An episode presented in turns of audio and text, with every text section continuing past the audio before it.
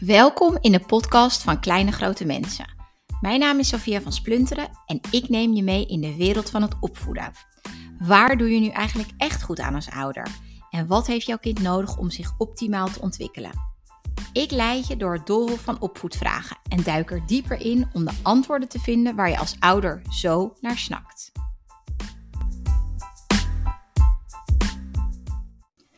Vandaag ga ik het hebben over nee zeggen. Mag je eigenlijk nog wel nee zeggen tegen je kind? Of moet je het woord helemaal vermijden?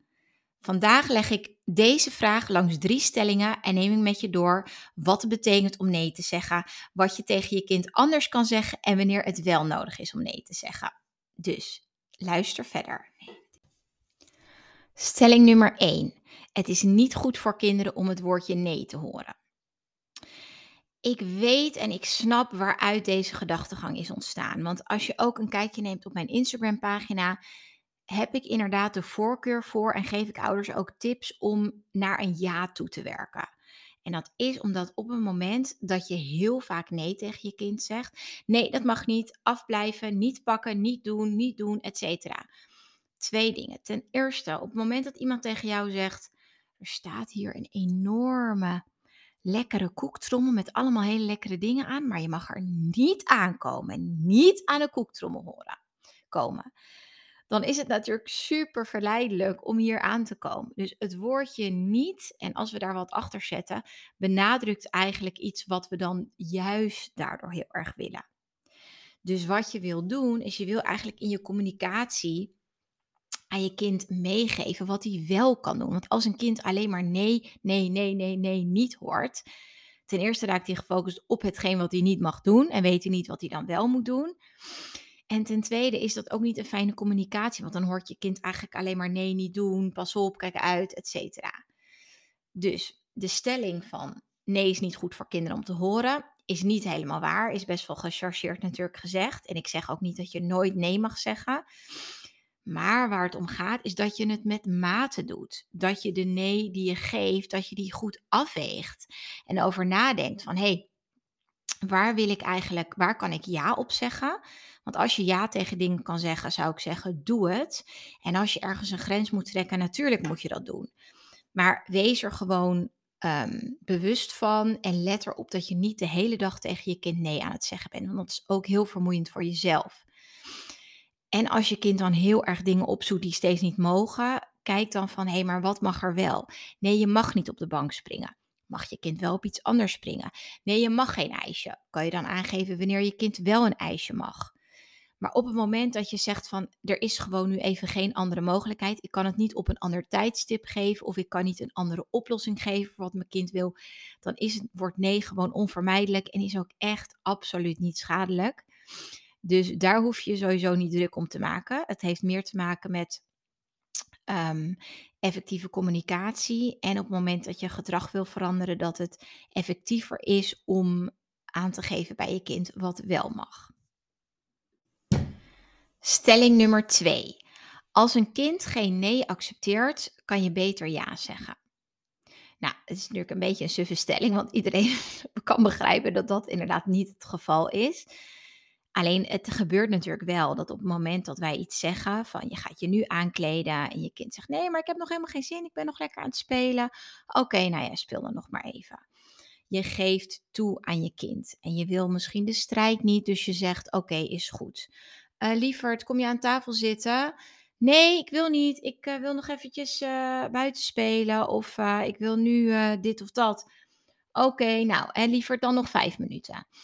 Dus we willen graag ons kind pleasen. We willen graag ons kind tegemoetkomen op het moment dat hij of zij nee zegt tegen iets.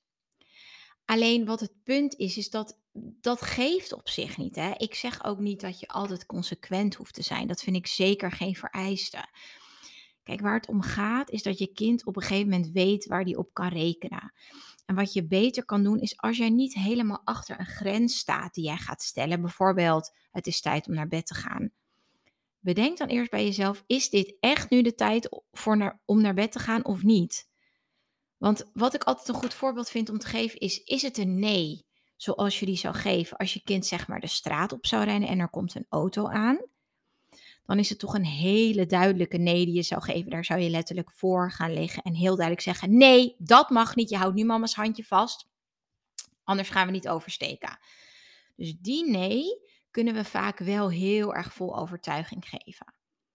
Maar op het moment dat we een nee geven die een beetje zo ertussenin hangt van nee, ja, nee, het mag niet. Maar goed, als mijn kind blijft zeuren, dan mag het wel. Dan weet ons kind dat is geen nee. Daar kan ik nog uh, over onderhandelen, daar kan ik nog iets tegen inbrengen. Dan is de kans groter dat je kind het ook niet gaat accepteren. Dus belangrijk is dat je altijd de afweging maakt voordat je de nee zegt van sta ik hierachter? Sta ik hierachter en ga ik dit doorzetten? Want nee zeggen en dan het vervolgens laten, kan je beter niet zeggen. Want wat ik net zei, nee is niet fijn voor kinderen om de hele dag te horen. Is niet heel erg effectief, is niet productief. Dus laat hem dan gewoon weg. Dus misschien leidt het er wel toe dat je minder nee gaat zeggen, omdat je je nee beter afweegt en pas een nee kan zeggen als je er ook 100% achter staat. En de reden dat een kind blijft doorzeuren, blijft onderhandelen, blijft uh, gaan, is omdat hij weet dat hij misschien een, nee kan, een ja kan krijgen. Sorry. Dus op het moment dat je voelt van mijn kind accepteert geen nee, vraag je dan af van is dat inderdaad omdat ik niet ferm genoeg de nee geef? Kijk, wat kinderen nodig hebben is een aantal dingen waaronder het voelen dat ze autonomie hebben, het zelfstandig voelen dat ze zelfstandig mogen zijn, maar ook een bepaalde voorspelbaarheid en ook grenzen die ze nodig hebben. Dus op het moment dat wij ons kind te veel gaan inperken met te veel nee zeggen en eigenlijk allemaal hekken om hun heen zetten van dat mag niet, dat mag niet, dat mag niet, dan is er grote kans dat je kind daartegen gaat, uh, daartegen in verzet komt. En tegelijkertijd, als we te vaak het, de, niet een grens, niet een hek neerzetten, maar een hek met een deurtje, dan voelt ons kind ook dat onze nee geen kracht heeft. Dus de, de uitdaging is om zoveel, genoeg, zoveel mogelijk autonomie aan je kind te geven. Dat je kind het gevoel heeft van hé, hey, ik mag ook hè, macht over bepaalde dingen uitoefenen. Dat doe je bijvoorbeeld keuzes te geven of binnen bijvoorbeeld een grens te zeggen wat jouw kind wel mag bepalen. Bijvoorbeeld van nou, dat is heel erg duidelijk met eten. Weet je, jij bepaalt wat er op tafel komt. Jij en je partner bepalen wat er op tafel komt, wat er gegeten wordt. En je kind bepaalt hoeveel die eet. Dus binnen dat spectrum, op het moment dat jij alles gaat bepalen en gaat zeggen: dit moet je eten, dat moet je eten, dan kom je in tegen de autonomie van een kind en van een mens. En dan kan je in, in vervelende machtsstrijd komen. Dat wil je niet. Dus baken altijd een beetje de ruimere grens af. Van, nou, wat is in ieder geval jouw grens en je partners grens over een bepaald onderwerp? Bijvoorbeeld, jullie mogen tv kijken tussen 5 en 6. Nou, dan is het fijn als de kinderen dan ook zelf mogen bepalen wat ze mogen kijken. Tenzij je natuurlijk afkadert, nou je mag geen YouTube kijken, maar dan de rest wat ze mogen kijken, mogen ze in principe zelf bepalen. Dus stel de grotere grens en laat je kinderen invloed uitoefenen in de kleinere grens. En wat betreft onderhandelen, blijf bij je nee staan als je hem echt wil stellen. Zeg hem anders gewoon niet en hou het dan gewoon op een ja. Stelling nummer drie. Een kind moet het begrijpen als ik één keer nee tegen iets heb gezegd. Waarom doet mijn kind toch steeds hetzelfde als ik al zo vaak heb gezegd dat niet mag? Bijvoorbeeld niet aan de vaas komen op tafel, of niet uh, grond uit de plant pakken, of niet het speeltje van je broertje afpakken. Een kind zou toch genoeg moeten hebben aan één duidelijke regel. En als ik één keer nee zeg, dan zou die het gewoon moeten oppakken. Nou, dit is niet waar. Um, hiermee stellen we eigenlijk best wel hoge verwachtingen aan kinderen. Wat je altijd als eerste moet doen voordat je uh, verwacht dat je kind gewoon luistert naar iets wat je vraagt, is altijd je afvragen: kan ik dit verwachten van mijn kind? We moeten het altijd zien dat dingen die ons kind doen altijd horen bij een bepaalde leeftijdsfase. En op het moment dat we het gedrag duiden en plaatsen in die leeftijdsfase, kunnen we ook weten van hé, hey, dit hoort erbij of nou ja, dit zou in principe niet meer moeten. Uh, maar heel veel is eigenlijk terug te leiden naar hun leeftijdsfase. Want ik geef een voorbeeld. Stel je hebt het tegen een eenjarige over niet het eten van de borrelplank pakken of een tweejarige zelfs. En je kind blijft eten pakken van de borrelplank of blijft iets pakken waar die bij kan wat eigenlijk niet mag. Dan kan je je afvragen, waarom luistert mijn kind niet? Ik heb het al tien keer gezegd, niet aan de borrelnootjes komen of die zijn voor de volwassenen, niet doen. En mijn kind blijft het doen. Weet dan dat je een andere actie moet nemen. Een kind van één of twee of zelfs drie heeft onvoldoende impulscontrole om zich hier aan te houden. Als zij zien dat er iets lekker staat op minder dan een meter afstand, willen ze dat gewoon pakken. Ze willen, ze willen weten wat het is. Ze zijn nieuwsgierig. Ze willen het in hun mond stoppen. Ze zijn hongerig. Dus op het moment dat dat niet lukt, kan je beter de situatie veranderen. En kan je beter zeggen: Oké, het lukt niet om dat niet te pakken, wat heel normaal is. We gaan die plank eventjes ergens anders neerzetten. Of ik ga een bakje maken voor mijn kind met iets wat hij wel mag eten. Daar heb je hem weer. Dus vraag jezelf af, en het is natuurlijk niet altijd makkelijk om te weten, maar heel veel dingen hebben het met impulscontrole te maken en hebben met de leeftijd te maken. Dat je een kind van één, die is niet vervelend als hij niet luistert. Die is gewoon op ontdekkingstocht. En het enige wat hij wil is kruipen of lopen en dingen pakken en in dingen graven. Dus als je dingen hebt die kostbaar zijn, waar die niet aan mag komen, zet die liever ergens anders dan dat je continu je aan het frustreren bent dat je kind dat doet. Want hij kan er oprecht niks aan doen. Dat is echt onderdeel van zijn ontdekkingsreis.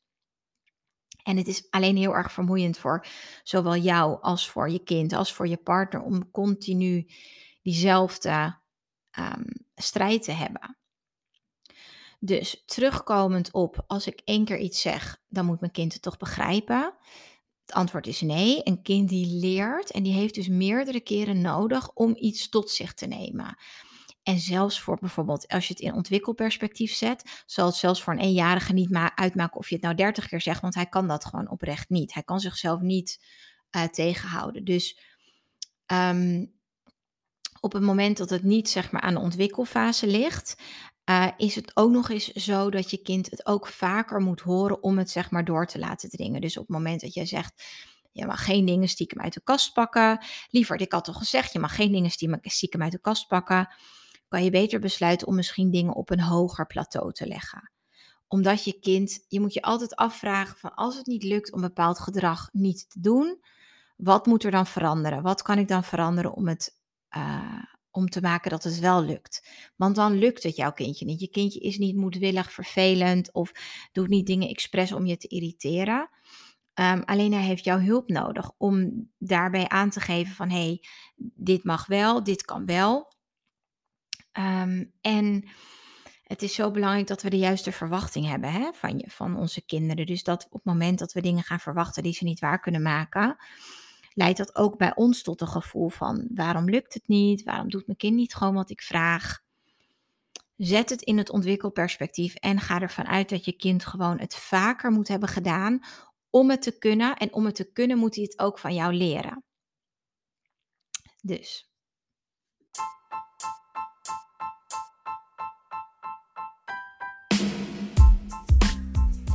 Dit was hem alweer, aflevering 2 van de podcast van Kleine Grote Mensen.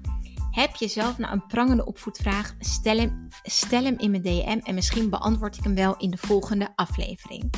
Tot de volgende keer.